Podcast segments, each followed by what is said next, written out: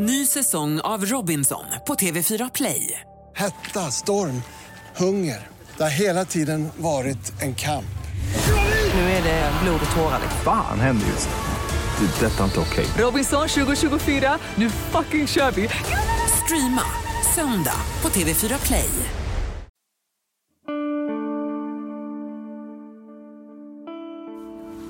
Jag vill försöka få henne Tala till henne. Jag vill försöka få dig att förstå hur mycket jag älskar dig och att jag inte vill att det här ska ta slut. Jag vill leva med dig till den dagen jag dör. Det är jag som är Daniela Gordon och nu ska du få följa med mig in i mitt arbetsrum. In i terapirummet. Det är en speciell plats, för här finns allt som har med livet att göra. Här finns människors innersta och det är det mest spännande jag vet. Jag har jobbat som samtalsterapeut i över 40 år, men det här är första gången jag gör terapi på det här sättet. Välkomna Maria och Thomas. Tackar. Jag har aldrig tidigare träffat personerna i den här podcasten. Allt det du hör händer vid ett första möte. Mitt mål är att få människor att leva i större harmoni i riktigt bra kärleksrelationer. Det jag önskar för dig som lyssnar är att du ska få lära dig saker om ditt liv och bli inspirerad att göra förändringar för att hitta till en kärlek på allvar. det som hände med, med hans eh, porrchattning, det var liksom... Då var det precis som att jag hade trott att vi hade en trygg grund. Jag har gått och trott det, för att jag har tyckt att vi har haft en jättebra kommunikation. Det finns ju liksom ingenting som inte jag har trott att vi har kunnat prata om. Samtidigt som jag har tänkt att det har varit svårt att ha en relation med någon som som som tycker så lite om sig själv.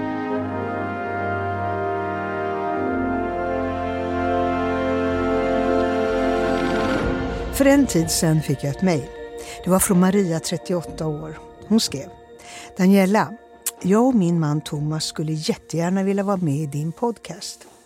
Vi är ofrivilligt barnlösa och IVF har inte fungerat för oss. Och nu befinner vi oss i en kris. Det visade sig att det var Thomas spermier som inte funkade som de ska och han har dålig självkänsla sedan tidigare. Det har nu lett till att han har porrchattat för att fly till något. Vi behöver råd och hjälp med hur vi ska kunna behålla vår relation eftersom jag känner det som att han har varit otrogen.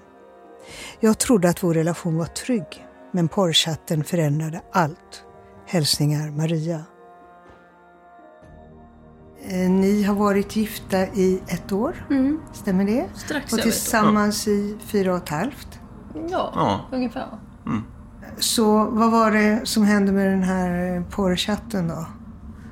Det var någonting du upptäckte? Vad, vad, vad Eh, nej, Thomas ringde och berättade det för mig, att han hade gjort det. Eh, och då var det ju verkligen som att, eh, ja, hela min värld rasade ju. Eh, och jag, eh, jag gick väl, alltså jag vet inte vad som hände, men jag varit sjukskriven och jag är fortfarande sjukskriven.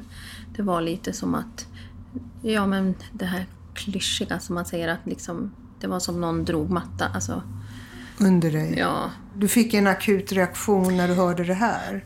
Ja, Vad hände? nej men alltså jag fick, jag fick väl en panikångestattack, skulle jag säga.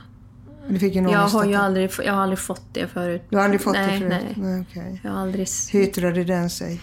Nej men jag fick hjärtklappning och jag fick svårt att andas, jag fick tryck över bröstet och jag fick, ja. Mm, en klassisk Ja, ångestattack. ja men precis. Ja, som det handlar om. Men Ja. du känner den här ångestattacken. Eh, det hade att göra, berätta eh, Thomas, du, vad sa, du berättade för Maria, vad hände?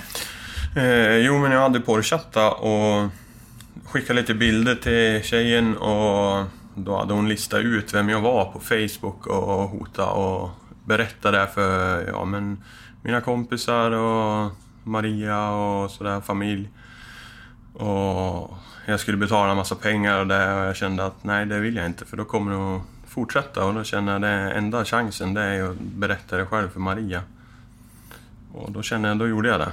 Fast jag visste att eh, ja, det skulle ju det skulle vara väldigt jobbigt att göra det och jag visste ju att eh, alltså, relationen kunde ju ta slut på grund av det. Men jag kände ändå att jag måste eh, alltså, berätta sanningen. Och hur länge har du porrchattat? Nej, det var där några dagar.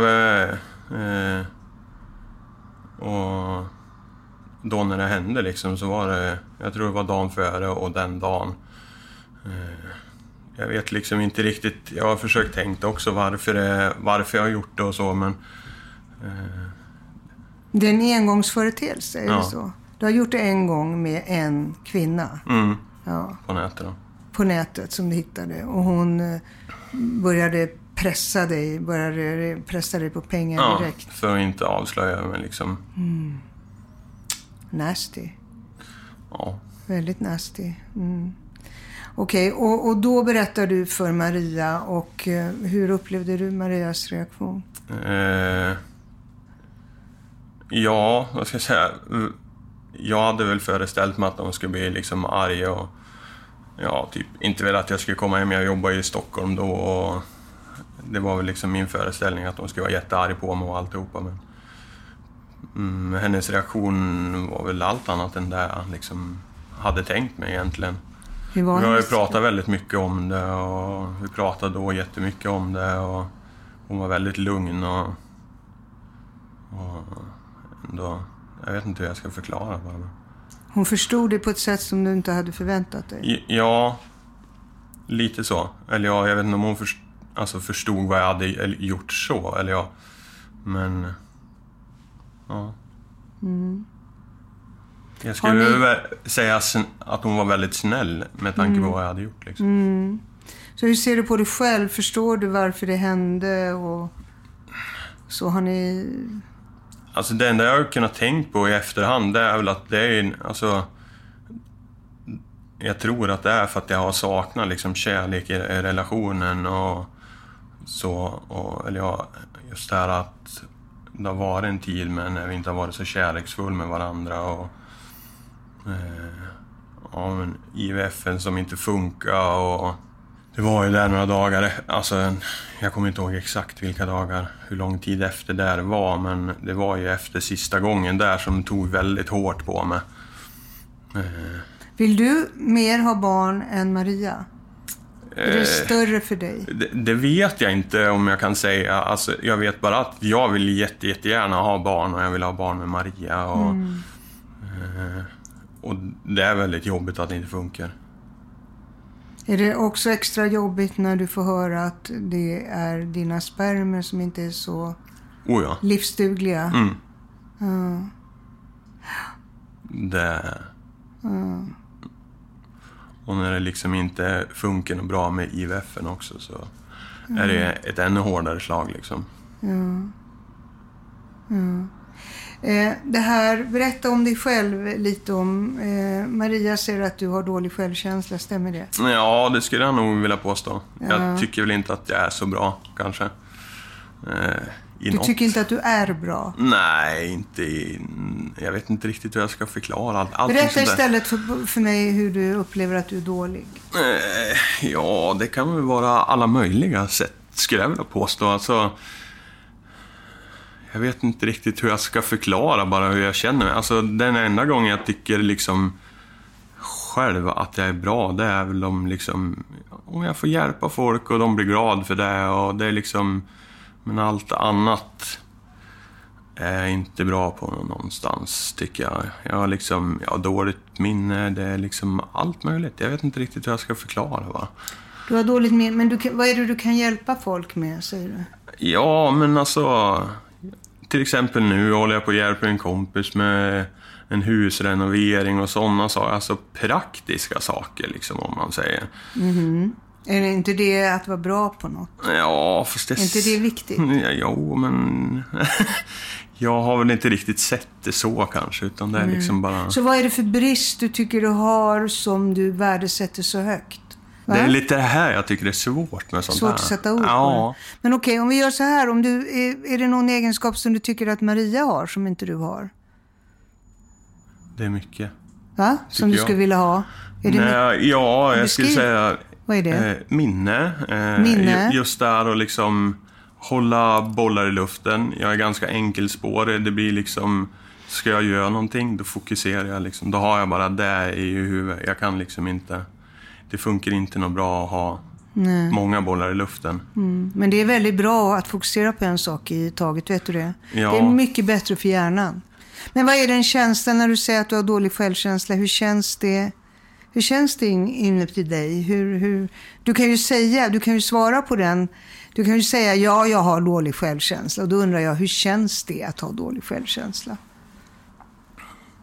Jag skulle väl mest säga, säga att jag känner mig ledsen. Liksom. Att, jag, att jag inte känner att jag klarar kanske vissa saker. Eller jag liksom... Att det är väl så, alltså... Misslyckas jag med någonting så blir jag ju liksom hemskt ledsen och nedslagen och nedstämd av sådana saker. Alltså, väl... Kan du ge ett exempel på någonting som du har misslyckats med? att vara öppen med Maria över att prata. Alltså, för det är jag är ju väldigt, väldigt dålig på det.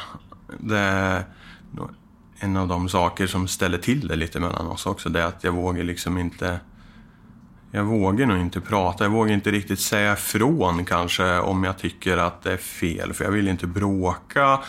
Jag vet inte om jag kanske säger ifrån på något vis, då har jag inte så mycket mer att säga utan jag känner bara att det är fel och så har jag ingenting att argumentera.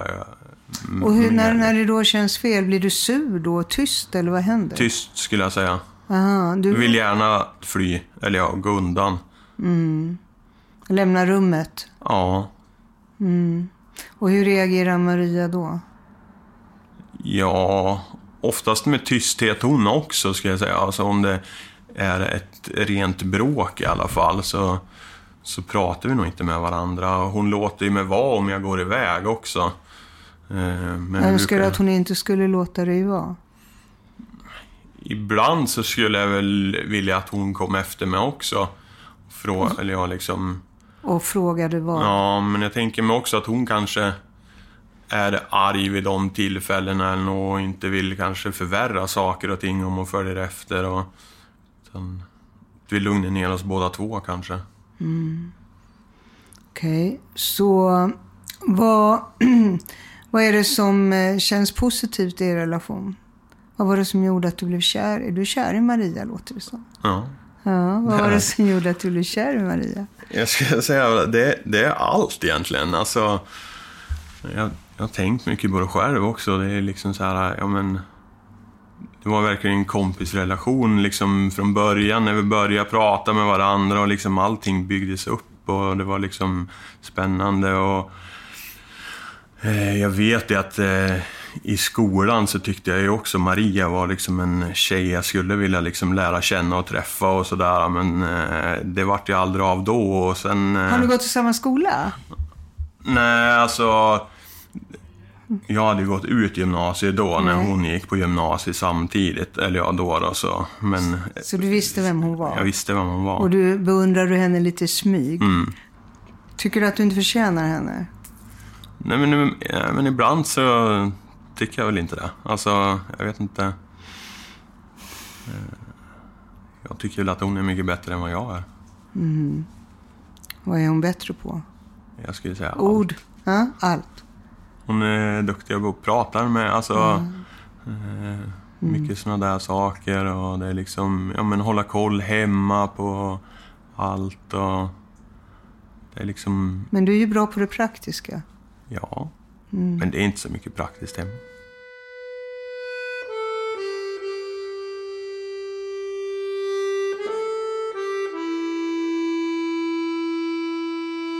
Både Maria och Thomas är uppvuxna i en småstad i Sverige där de fortfarande bor kvar. Alla känner alla och under veckorna jobbar och bor Thomas i Stockholm men kommer hem på torsdagar och stannar sen över helgen. Maria har sedan tidigare en 14-årig son som Thomas har en jättebra relation till. De älskar verkligen varandra, intygar Maria och säger att Thomas i perioder har varit mer pappa för sonen än sonens biologiska pappa. En sak som påverkar både Maria och Thomas och som präglat dem i livet är deras uppväxter. De växte båda upp med känslokalla föräldrar som inte gav dem särskilt mycket kärlek, vilket har tagit sig uttryck hos Maria att hon har svårt med tilliten i relationer. Och Thomas har i sin tur dålig självkänsla. Maria börjar att berätta om hur hon hade det som barn. Föräldrar som inte pratade, inte visade känslor, inte, ja, inte var speciellt snäll. Eh, varken fysiskt eller psykiskt. Så. Var båda dina föräldrar inte snälla? Ja. Mm. Mm. Så att eh, det har väl liksom gjort att jag har svårt att lita på folk och eh, jag har väl också en del liksom dålig självkänsla såklart. Mm. Um, så att jag har ju varit väldigt destruktiv i tidigare relationer och i min uppväxt i tonåren och så. Um, så att... Uh, har du syskon? Ja, jag har ett syskon. En äldre bror. En äldre bror? Hur mycket mm. äldre är han? Två år. Två år äldre än dig? Ja. Mm. Eh, och du är uppvuxen i den här mindre staden? Mm. Ja. Eh, så när du säger att dina föräldrar varken var fysiskt eller psykiskt snälla, vad, vad, på vilket sätt var de inte snälla? Eh, nej men alltså, mina föräldrar är äldre. Eh, och de... Alltså det var ju så här barnaga såklart. Alltså jag har nog inte riktigt tänkt så mycket på det förrän nu på senare år. Utan det var liksom en del av min barndom. Och sen har väl jag aldrig kunnat... De har aldrig stått för någon trygghet. Eh, jag har väl aldrig hört att mina föräldrar har sagt att de älskar mig eller det har aldrig varit liksom en fysisk närhet eller eh, ja, på det viset. Jag har aldrig kunnat prata med dem om jag har mått dåligt eller om jag har varit ledsen så har jag aldrig kunnat gå till dem. Eller... Har du försökt? Ja, det har jag gjort. Men, men min pappa och mamma har aldrig kunnat ta emot det. Och tagit det på ett bra sätt eller liksom gjort som föräldrar ska göra. Skydda och eh, trygga sina barn. Mm. Det har de aldrig... De är liksom inte av den generationen. Eller, jag vet inte om man kan skylla på det, men alltså mm. det är så de har varit. Mm. Eh, berätta om din uppväxt. Eh. Thomas, var är du? Ja, jag är uppväxt i... Den här lilla byn? Ja. Mm. Eh, mamma, pappa och en bror. Ja. En, st en storebror. Förr har jag inte tänkt på det så mycket utan jag har liksom bara accepterat hur de har varit och så. Och hur har Marie, de varit? Ja, alltså... Det är väl så att eh, ska vi ha träffats så är det väl alltid jag som har åkt till mamma och pappa. Det har liksom aldrig varit naturligt för dem att komma och hälsa på mig fast de är till exempel ja, där i byn, då, eller ja, i, i staden vi bor. Fast de är nere och handlar dit för de bor några mil utanför så stannar ju de aldrig till hemma hos mig och hälsar på eller något. Utan det har ju liksom alltid varit typ jag som åkt dit då. De har inte varit intresserade av det? Nej, det skulle... Ja, jag vet inte om det inte är det eller om de inte har vågat eller... De har liksom aldrig kommit hem till mig. Sen du flyttade hemifrån? Ja. Hur gammal var du när du flyttade hemifrån? Jag skulle säga runt 20 ungefär. Okay. Någonstans där. Och hur var det när du var barn då? Eh, ja, jag kommer inte ihåg så mycket, men de har ju, det är lite lika där med, som med Marias föräldrar. Att det har ju liksom stränga föräldrar, det har liksom... Har man inte gjort som de har sagt så är det liksom hot om stryk och sådär. liksom, var det så? Ja. Så Fick du stryk eller var det hot om stryk? Det har jag fått. Också? Ja. Mm.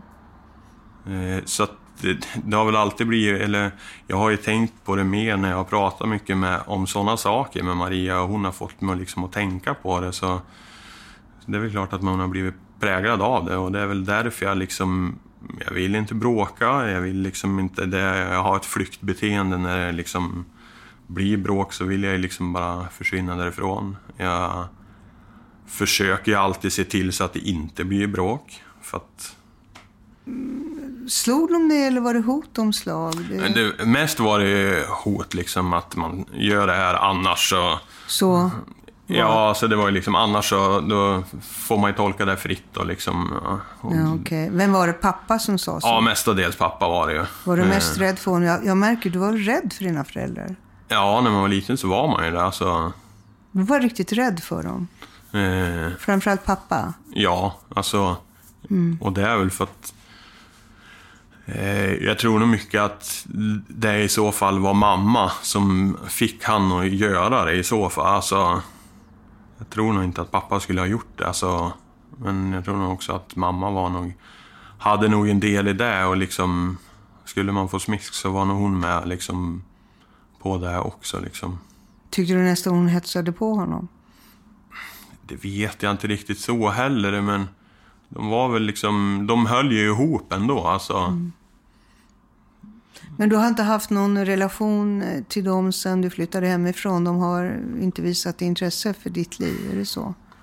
Alltså de har väl ringt och sådär, men det har ändå varit liksom ganska ytligt. Och det tror jag nog säkert också är på grund av mig själv, skulle jag säga. Alltså jag, jag, vill, jag har väl aldrig riktigt velat berätta någonting för dem heller liksom. För att det känns en, det har säkert känts som att de inte bryr sig ändå. Det finns en likhet hos Maria och Thomas och det handlar om att båda har problem med att uttrycka sina behov i relationen. Thomas är konflikträdd och låter Maria sätta agendan och bestämma över det mesta. Maria i sin tur blir frustrerad över Thomas passivitet samtidigt som hon ser ett mönster i att det är den typen av män hon alltid valt att vara tillsammans med. Den mer passiva men trygga typen. Eh, att jag väljer män som är lugn, trygg, eh, Följsamma. ja, följsamma och osäkra skulle jag säga. Och vad händer med dig sen när du upptäcker allt det här då? Ja, jag skulle... Vad tänker du då om dem? Eller om Thomas också. Du säger du, vi pratar om ditt mönster. Ja, men alltså jag önskar nog ibland att jag skulle få bli vara den som är mer underlägsen ibland. För att jag tror att jag skulle må bra av det. I, i vissa lägen såklart. Eller att jag tror att jag skulle behöva vara ibland med någon som är lite mer jämlik mig. Eller mer lik mig, inte jämlik, men mer... ehm, Och vad är det som gör att du inte väljer det då? För att jag tror ändå att det som de har liksom stått för och det som Thomas har stått för det är ju trygghet. Okej, och det, är, det gör, dig trygg, gör det dig trygg att du får bestämma? Ja, Gör det dig trygg att du får som du vill? nej, men jag, nej, jag tror inte att det gör mig trygg men det, det ger mig en känsla av kontroll. Jag vet inte om jag tycker att kontroll och trygghet är riktigt samma sak men det ger mig någon form av kontroll. Kontroll känns ofta som trygghet. Ja, därför ja. du tycker om kontroll. eh, jag tänker, du berättar att som barn så blev du slagen och eh, du hade uppenbarligen ganska stränga föräldrar.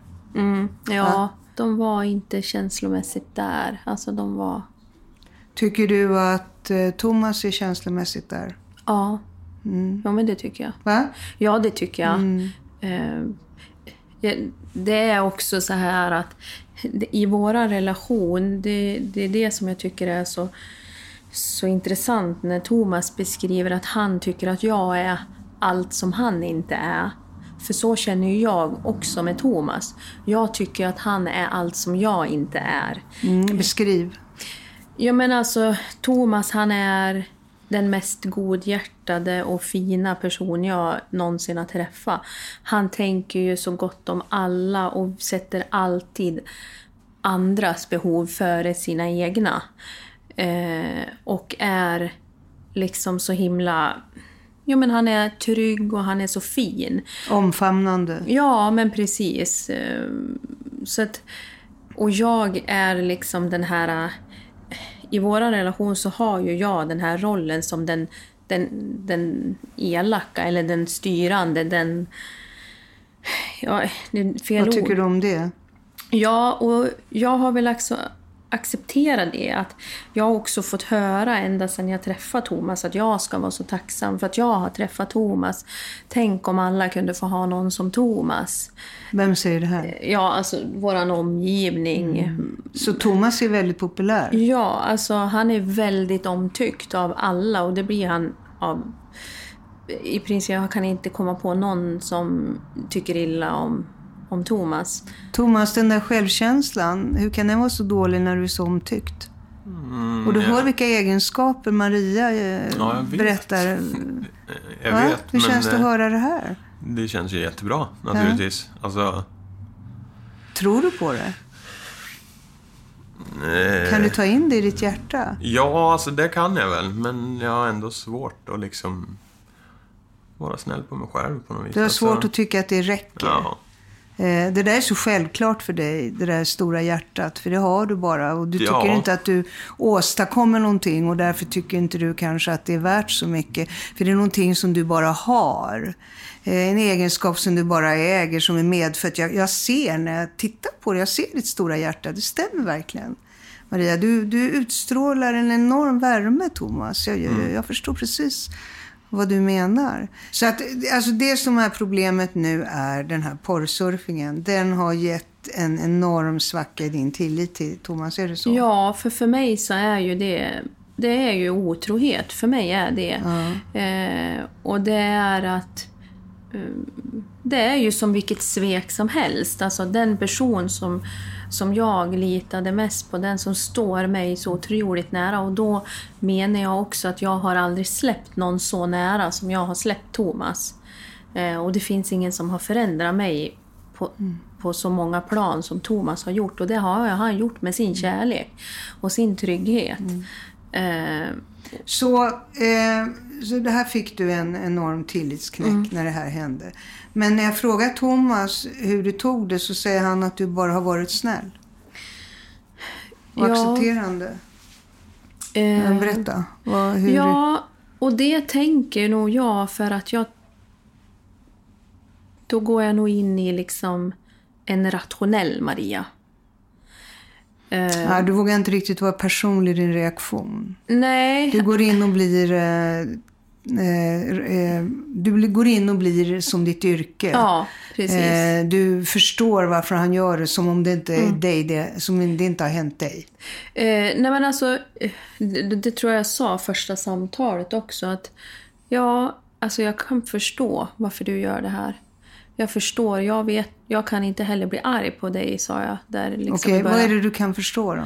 Jag kan förstå att det här är sätt för dig att uttrycka att det är någonting som inte är bra. Alltså att du inte mår bra, att det här är ett sätt för dig att ehm, Precis som kanske någon annan skulle gå ut och supa skallen av sig eller eh, så var det här ett uttryck för någonting annat. Eh, men att jag också kan se att när, bara för att han gör det här betyder inte det att det här är han bara. Det var så jag tänkte då. att Jag har också en del i det här förhållandet. Ja. Och jag har... Vad har du gjort då som eh, du tycker kan ha framkallat det här beteendet? Nej men alltså det är väl det som han också beskrev då. Precis samma dag när han berättade att han inte har känt sig älskad. Eh, och jag kan ändå liksom tänka att ja okej, det är ingen ursäkt för det han gjorde.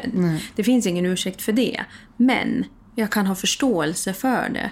För jag kan också liksom förstå att han söker bekräftelse om han inte får det från mig.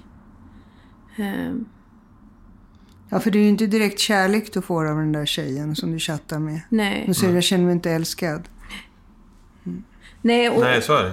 nej, och sen var det ju liksom inte heller att... Jag vet ju också att vårt sexliv har inte varit dåligt. Alltså det är inte det som har varit liksom grejen här. Eh, Så hur tänker du Maria då? Vad, vad, har, det- vad handlar det om då? Har du gett honom mindre kärlek på senare tid än vad du har gett honom tidigare? Ja, det vet jag faktiskt inte. Jag har nog... Frå, har du frågat honom? Har hon gett dig... När, när du... Det var några månader sedan, för några månader sedan som du gjorde det här. Du porrsurfade. Har, har du upplevt att Maria har gett dig mindre kärlek på Ja. sista tiden? Ja, så jag, jag upplevde det då, eller...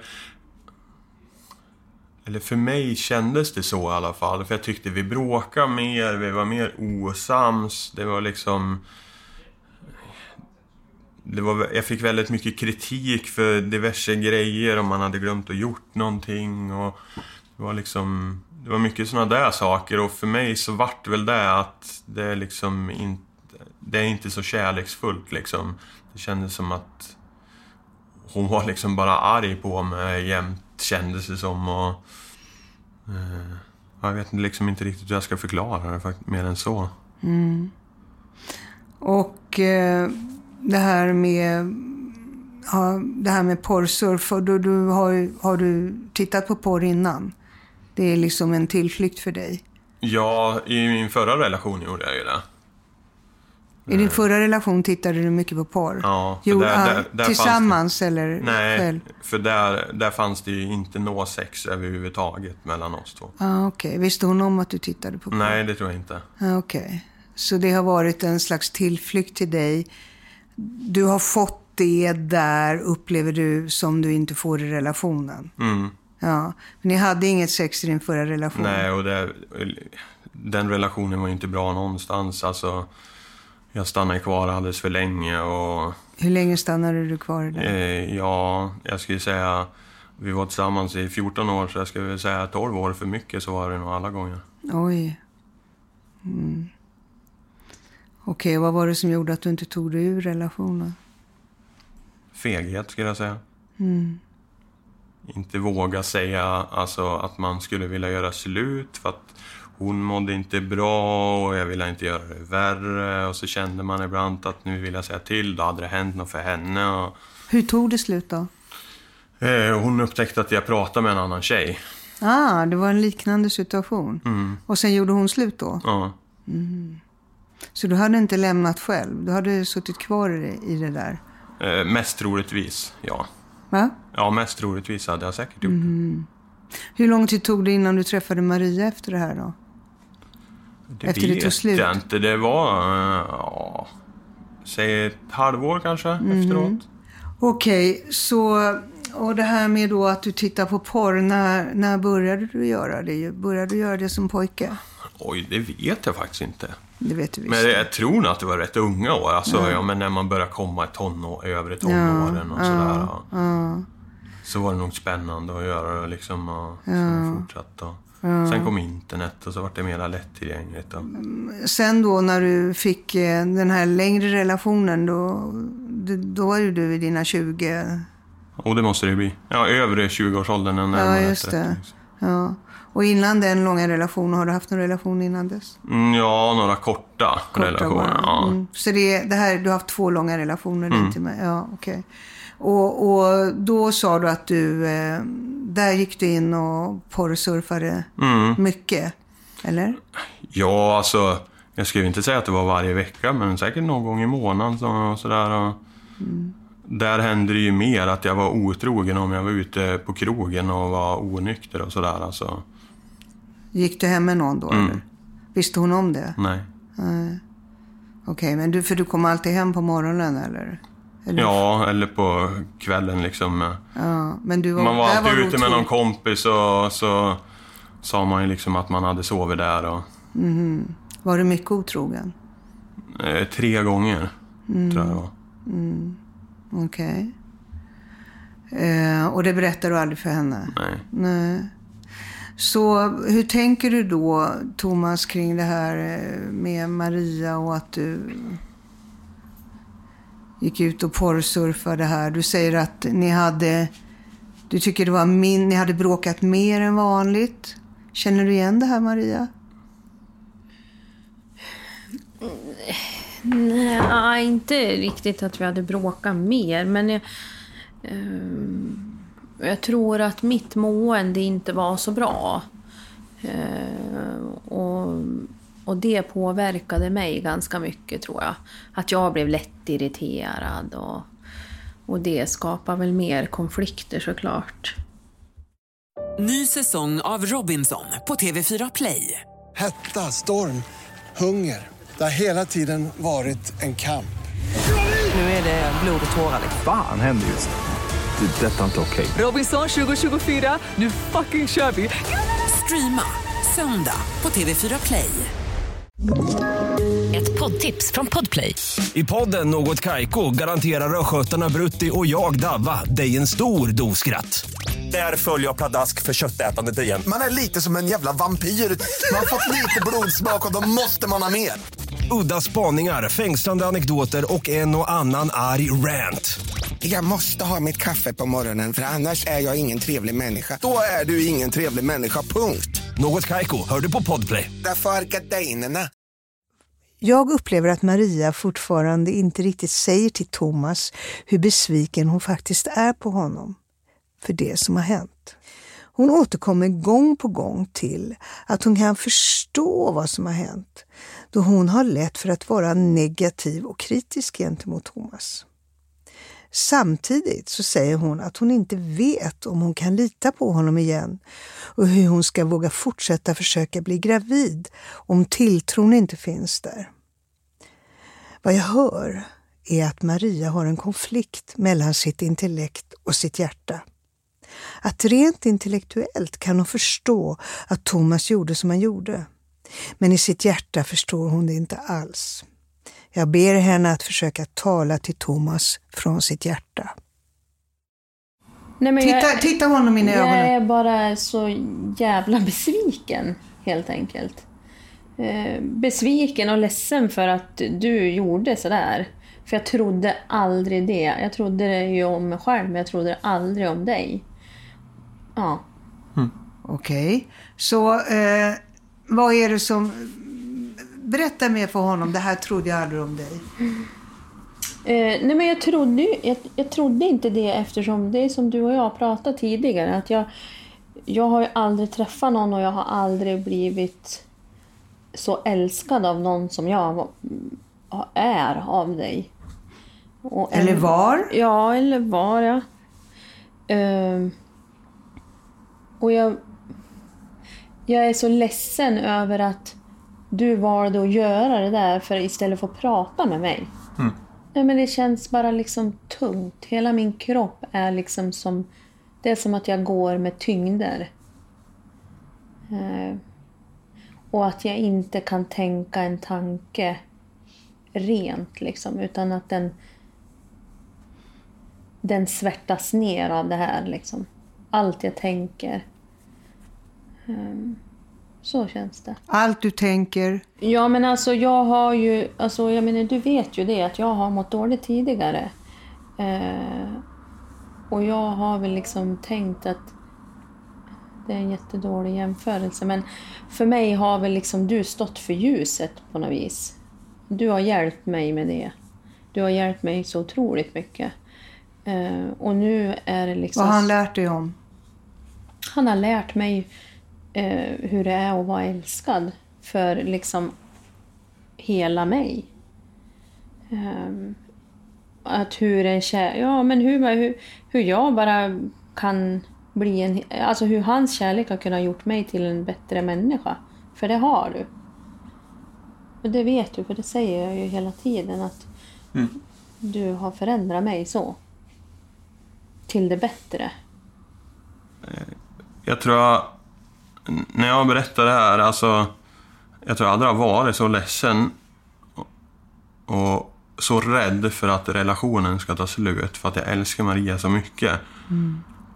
Eh, förra relationen, då vet jag, alltså jag älskar ju inte den människan överhuvudtaget då. Men var bara feg och liksom... Där kan jag tänka mig att det var liksom en grej att det gjorde mig ingenting att hon fick reda på det. Nu är jag liksom... Nu var det mycket, mycket mer fara i det du gjorde. Ja, och det är liksom... Och det eh, visste du. Mm. Du visste det när du gjorde det här. Att vad jag, vad jag satsar i det här är ju min relation till Maria. Som jag älskar så mycket. Det visste du. Ja. Och ändå gjorde du det. Mm. Eller hur? Ja. Ja. Så vad är det som eh, gör att du gjorde det, tror du? ja det här, jag vet faktiskt inte Finns det svaret. en på känsla hos dig att eh, jag är inte värd Maria? Ja, det, och eh, eftersom jag inte är värd henne kan jag lika gärna bete mig som en skithög. Så får vi slut på det här. Ja alltså, För jag kan inte leva upp till alla de här kraven som Maria har på... ja, mig. kanske. När jag säger det här, vad händer i dig? Ja. Jag känner mig mest... Jag vet inte. Jag är lite ledsen. Jag, vet, jag känner att det är jobbigt att jag inte vet själv. Alltså, jag, jag önskar att jag kunde liksom ge Ja, bättre men alltså du vet, det där med att man inte vet, att man bara gör saker i blindo. Det, jag vet inte varför jag gjorde det. Det där, Mm. det där är en cop-out. Om du visste. Okej. Vi säger att om du visste, vad är det då? Stå för det nu. Stå för det här. Det är det som är viktigt att eh, du säger att en del av din självkänsla handlar om att du är konflikträdd. Du står inte för, för det du känner och det du behöver. Mm. Mm. Men nu har ju du gjort någonting som Ja. du inte kan låtsas som du inte har gjort. Om du står för det hela vägen och inte bara säger jag vet inte varför det hände. Mm. Förstår du vad jag menar? Eh, om någon säger jag vet inte varför det händer. Alltså det här att man går in i ett rum, eh, i ett, det här bedövade rummet, man bara gör saker eh, utan att ta ansvar för det eller säga jag vet inte vad det var som pågick. Mm. Eh, som att jag kopplar bort mitt tänkande fullständigt. Eh, tycker du att det är ett hållbart argument? Nej, det är väl inte heller, men det, jag inte, det är så jag känner att det har varit hela livet. Liksom. Ja, okej. Thomas, titta på mig. Så här har jag varit hela livet. Och nu har det här hänt. Mm. Nu har det här hänt. Din stora kärlek eh, har du bedragit på det här sättet. Mm. Mm. Så här har det varit hela livet. Du ser vad du förväntar av dig själv. Att du inte står för det du gör. Ja. Ja, kanske det. Va? Ja. Är det så? Att du inte står för det du... Du står inte för det du behöver och du står inte för det du känner och du står uppenbarligen inte för dina behov. Och då stå, behöver du inte heller stå för när du gör någonting som är destruktivt. Är du, är du med? Ja. Kan du känna igen det här med att inte ta ansvar för det som händer i ditt liv? Och det är lite grann det där, jag kommer inte ihåg, jag minns inte. Det är också ett jättebra sätt att slippa ta ansvar. Är det inte det? Glömma bort. Ja, jo, så är det väl. Mm. Så jag, jag undrar, är det här ett sätt för dig att eh, liksom fly? Ja, det skulle jag nog säga att det är. Ja, vad är det du flyr? Allt som är jobbigt, ska jag säga. Ja. Hur känns det att göra så här? Fungerar det? Nej, det gör det väl egentligen inte. Och Nej. Det, Nej. Du ser, även när du fick ditt livs kärlek, du fick prinsessan, fick henne som du ville ha, eller hur? Mm. Så blir du din egen sabotör. mm, Är inte det ganska intressant? jo. Det är det ju. Ja? Så vad tänker du nu?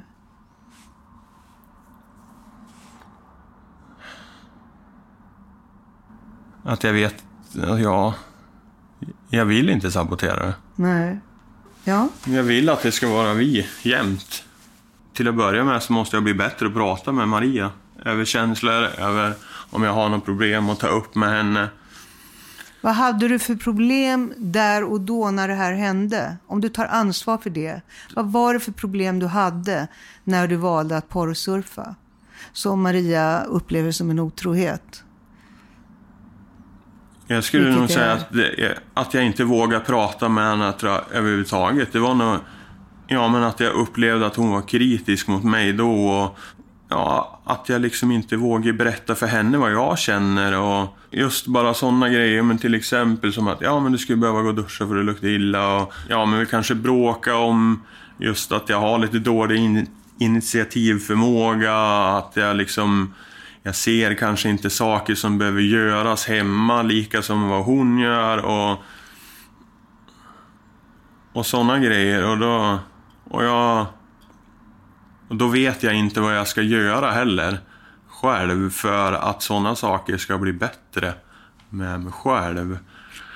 Vad säger du när du hör det här Maria? Jag blir så jäkla frustrerad på Thomas när han säger Ja men jag vet inte. Mm. Det där är en cop-out. Eller Ja men kan du beskriva mer? Ja men jag vet inte hur jag ska säga. Eller eller till exempel de gångerna jag har liksom försökt. Ja men vad är det du vill ha mig?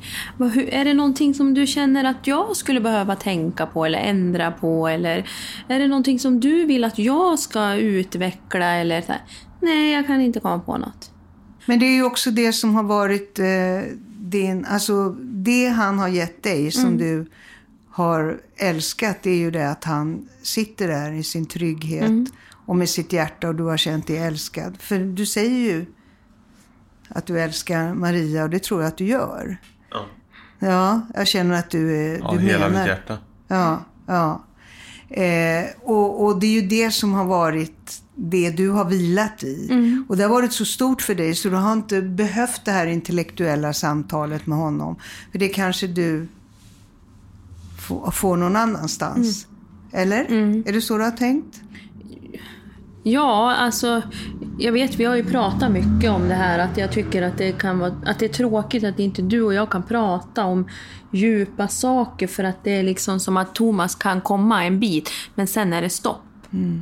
För att han kan inte liksom Men hur kan du, hur, du säger att du kan inte prata om dina känslor heller Maria. Så hur djup är du i det här? Nej, och... Nej, det är väl också mm, sant.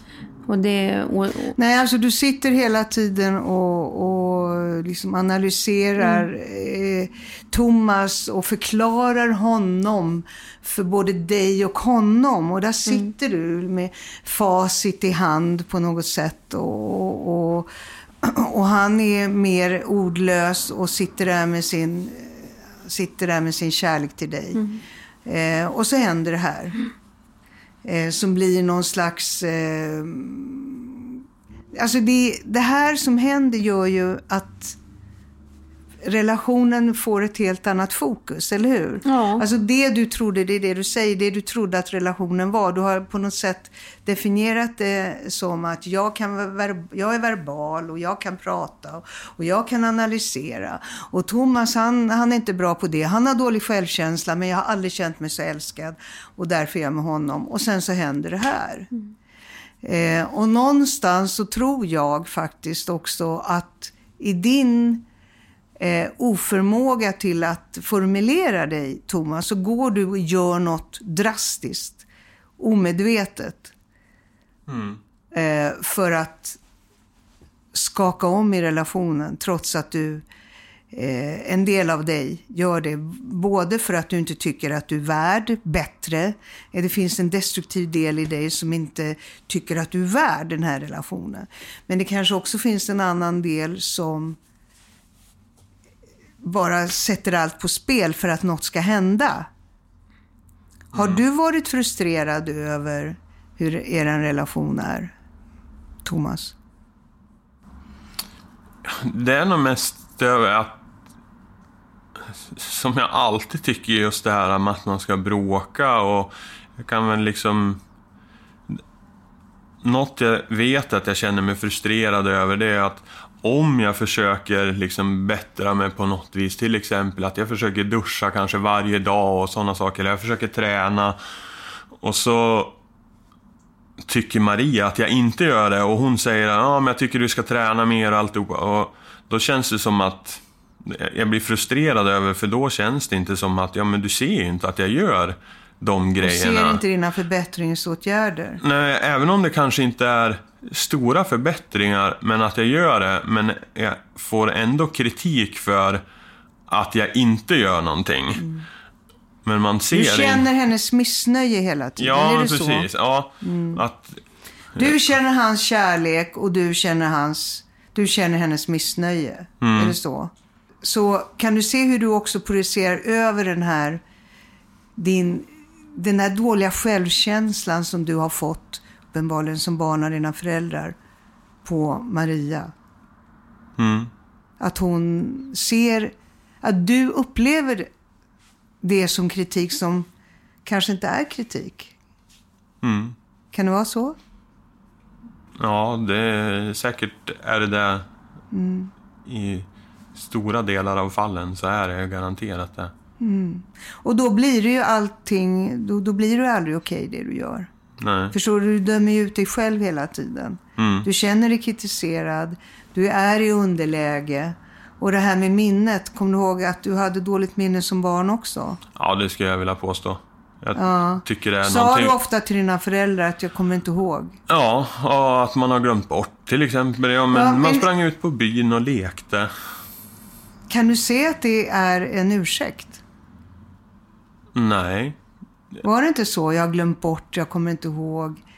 Det, säger, det, det är ju lätt sätt att säga när du blir kritiserad. Ja, ja, kanske. Jag har faktiskt aldrig tänkt på det så. Nej, jag vet. Men du kanske passar på att glömma. Mm, Så att eh, du slipper stå för det. mm. Eller hur? Som barn säger man och förälder, man blir uppläxad. Nej men gud, det där kommer jag inte ihåg. Eller, Ja, det är det är ett sätt att försvara sig. ja, precis. Visst är det? Mm. Vad händer med dig när jag säger det här? Att ditt dåliga minne kanske är ett försvar. Hur känns det? Ja, jag, jag vet faktiskt inte. Du ser lite glad ut när jag säger Ja, det. ja, alltså... Du kanske är smartare än vad du tror. Förstår du vad jag menar? Att du kanske dummar dig själv. Mm, Fördummar dig själv. Förstår, Förstår vad jag menar? Att ja, du, jag förstår du, säger. ser, du har fått höra att du är dum. Du har en trosats någonstans. Jag är dum, jag duger inte. Det har jag alltid fått höra. Mm. Jag misslyckas med det mesta jag gör. Eh, eh, eh, så du har den bilden av dig själv. Samtidigt har du det här goa, varma hjärtat och, och får mycket kärlek. Känner du igen att du får det av, Mm. av människor? Hur tänker du kring det? Tror du att, de, tror du att det här är inte sant? Eller de, de ser inte hela mig? Eller vad Mm, Ja, lite så skulle Va? jag nog... Jag lurar dem? Ja, lite så. Alltså, det det känns som det? att man går och väntar på ungefär som att folk ska avslöja en att man inte är så. Okej, det är väl intressant att du säger. Då gör du någonting som du kan bli avslöjad för. Jag är en bluff. Mm. Eh, Kan du känna igen det som en, en, en eh, trossats du har om dig själv? De fattar inte egentligen, jag är egentligen en bluff. Ja, alltså det är lite så. Ja, Va? ja. Ja, det här känner du igen. Mm. Och då ser du till att du är en bluff. Och det är precis det du bevisar för Maria. Min kärlek, som du, du tror att jag älskar dig så mycket, det gör jag, men jag är en bluff. Titta vilken idiot jag är egentligen. Mm. Kan du se? Mm.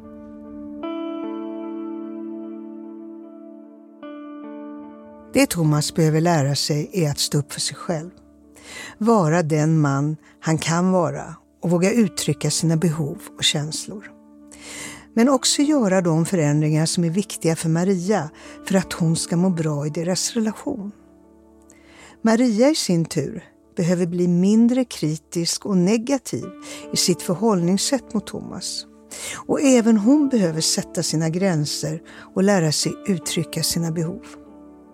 Jobba med att släppa sitt kontrollbehov, lära sig lyssna till sitt hjärta och att inte stänga av. Både Thomas och Maria måste ta ansvar för den person som de vill vara i relationen och jobba med sig själva.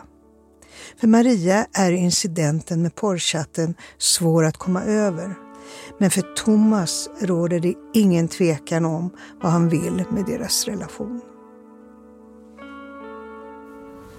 Jag vill försöka få henne... Tala till henne. Jag vill försöka få dig att förstå hur mycket jag älskar dig och att jag inte vill att det här ska ta slut. Jag vill leva med dig till den dagen jag dör. Det är det enda jag vill. Jag vill inte att du ska vara arg, ledsen eller besviken på mig. Jag vill att... Jag behöver att du, att du tar ansvar för, för det. För jag, jag har lyssnat nu när ni har suttit och pratat och jag tänker att jag har nog aldrig sett det så. Utan jag har nog bara köpt att du har sagt att ja, jag vet inte varför jag gjorde det. Eller vi har tillsammans pratat Vad, om... hur ser det ut att han tar ansvar? Vad, vad, vad betyder det? Om han tar ansvar för det här, vad, gör, vad ska han göra då? Ja, att inte alltid vara som jäke i våra samtal. Att inte alltid lägga det. Att inte alltid vara så...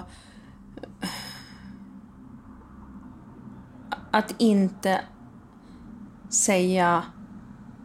Att döda liksom diskussionen med att säga... Ja, men jag, jag, jag vet inte, eller jag... Att du aldrig har något att komma med egentligen. Vad vill du att han ska komma med i det här som har hänt?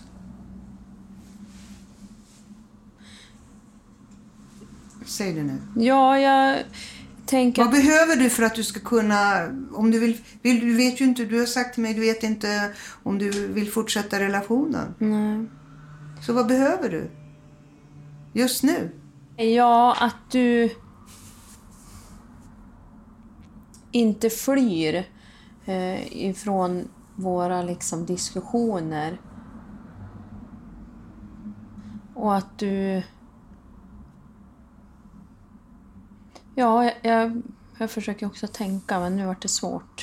Det här är en process. Jag Mm. tänker så här att eh, det här som hände, om vi tar det här med porrsurfingen igen, det är ju det här att du inte tar ansvar för det du gör, utan du vet inte varför det händer. eh. Men du tänker nu, om du sitter här nu i det här samtalet vi har haft och förstår att allt det här är bara flyktmekanismer. Nu, nu vill jag börja ta ansvar. Eller hur? Ja. Alltså när du säger att du vet inte om du kan ha tillit till honom så tänker du, det här kan väl hända igen? Mm. Det är väl så du tänker? Det, är väl, det är väl det som är grejen. Inte bara att det har hänt, men hur kan jag, hur kan jag vara säker på att det inte händer igen? Är det inte så Ja, du tänker? ja, dels det, men jag tänker också att om han kan göra det här, vad kan han göra mer? Exakt. Eller, det finns, ja. Det kan bli ännu värre. Om han inte har varit ärlig nu, vad är, vad är det mer han inte ja, har varit och ärlig? det kan bli Alltså, ännu värre och du var otrogen tre gånger med Mm, din tidigare. Precis. Så i det här, för det var ju det, det var där vi började med otroheten. Mm. Eh, eh, vad, eh, hur, hur ska ni komma vidare i det här? Ja, det är att vara ärlig. Och våga. I brist på annat ord, men våga bråka. Eller ja, alltså våga stå upp och, och våga liksom säga emot. Eller vad ska jag, jag vet inte riktigt hur jag Ja, ska men det är inte förklara. bara våga säga emot, det också våga säga att just nu har jag det inte bra i relationen. Ja, men precis. Jag är Alltså- rädd för mig själv. Jag är rädd att jag ska göra något dumt, Maria. Mm. Du bjuder in henne i någonting. Förstår du? Du bjuder in henne också i det som Mm, kan... ja. Hur du, hur du har, att du tar ansvar för att vi har det inte bra i relationen nu, utan Mm. låt oss prata. Ja, Ja. precis. För jag vill inte fly nu. Jag vill inte gå in i någonting som jag gått in i tidigare. Nej. Och så pratar du och, och istället. Mm. Om det är okej. Jag vet inte hur, hur du står i det här, Maria. Det vet du inte själv heller, verkar det som. Nej, Om du vill fortsätta och... nej men alltså min, min önskan är ju att vi tar oss igenom det här. Det är ju det som är liksom... ehm, det, det är ju därför vi är här. Ja. Eh, därför att jag kan inte heller föreställa mig ett liv utan Thomas. Så känner du, vad, vad, i det här som vi har pratat om idag, känner du att ni har kommit någon eh, vart i det här? Jag tänker att det har fått oss att tänka i andra banor. För det, det blir ju mest mitt analyserande, mitt, Ja, mina tankar, mina alltså, resonemang. Mi, alltså, Mm. Det blir ju det. Och, Och någonstans så tänker du åt honom och du har Mm. accepterat allt, allt han gör. Det vill säga att han inte Mm. pratar och att han glömmer saker. Du har gått med på detta. Och då är, kan du ha kontroll och du säger Mm. att det är sådana relationer du har och samtidigt är du, går omkring och är jätteirriterad. Mm. Och så blir du din mamma. Mm. Så det är ett, ett sätt för dig också att släppa det här och, eh, gamla beteendet. Och då är det jätteviktigt att Thomas, att du också när hon håller på så där. Ja, Vad säger du till henne? att hon måste sluta. Att hon måste... Sluta? Ja, och att inte lägga över det på mig och, och berätta för mig vem, vad jag tänker och vad jag behöver utan stå för det du. Att du bollar henne tillbaka till henne själv. Ja. Där kan du hjälpa henne. Och det tror jag du skulle tycka det var skönt. För då är du den där mannen som säger nej. Håll inte på med mig. Berätta vad, vad som händer i dig. Mm. Eller hur? Mm. Det här är en process, känner jag, som ni behöver jobba med och där ni behöver byta era invanda roller som ni har i er relation och som är destruktiv för er båda två. Mm. Lycka till. Tack. tackar.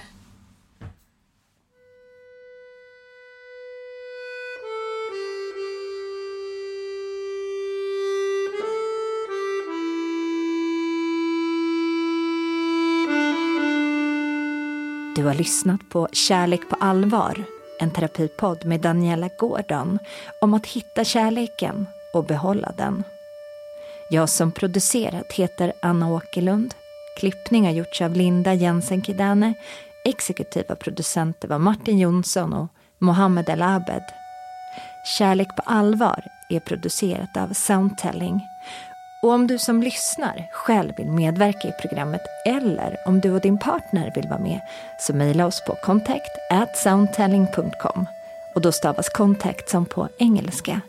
Alltså contact soundtelling.com. För att skydda personerna som deltar har deras namn bytts ut. Även platser och yrken har till viss del ändrats.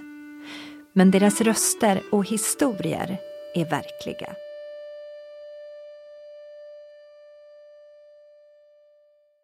Ny säsong av Robinson på TV4 Play. Hetta, storm, hunger. Det har hela tiden varit en kamp. Nu är det blod och tårar. Fan händer just nu. Det. är Detta är inte okej. Robinson 2024, nu fucking kör vi! Streama söndag på TV4 Play.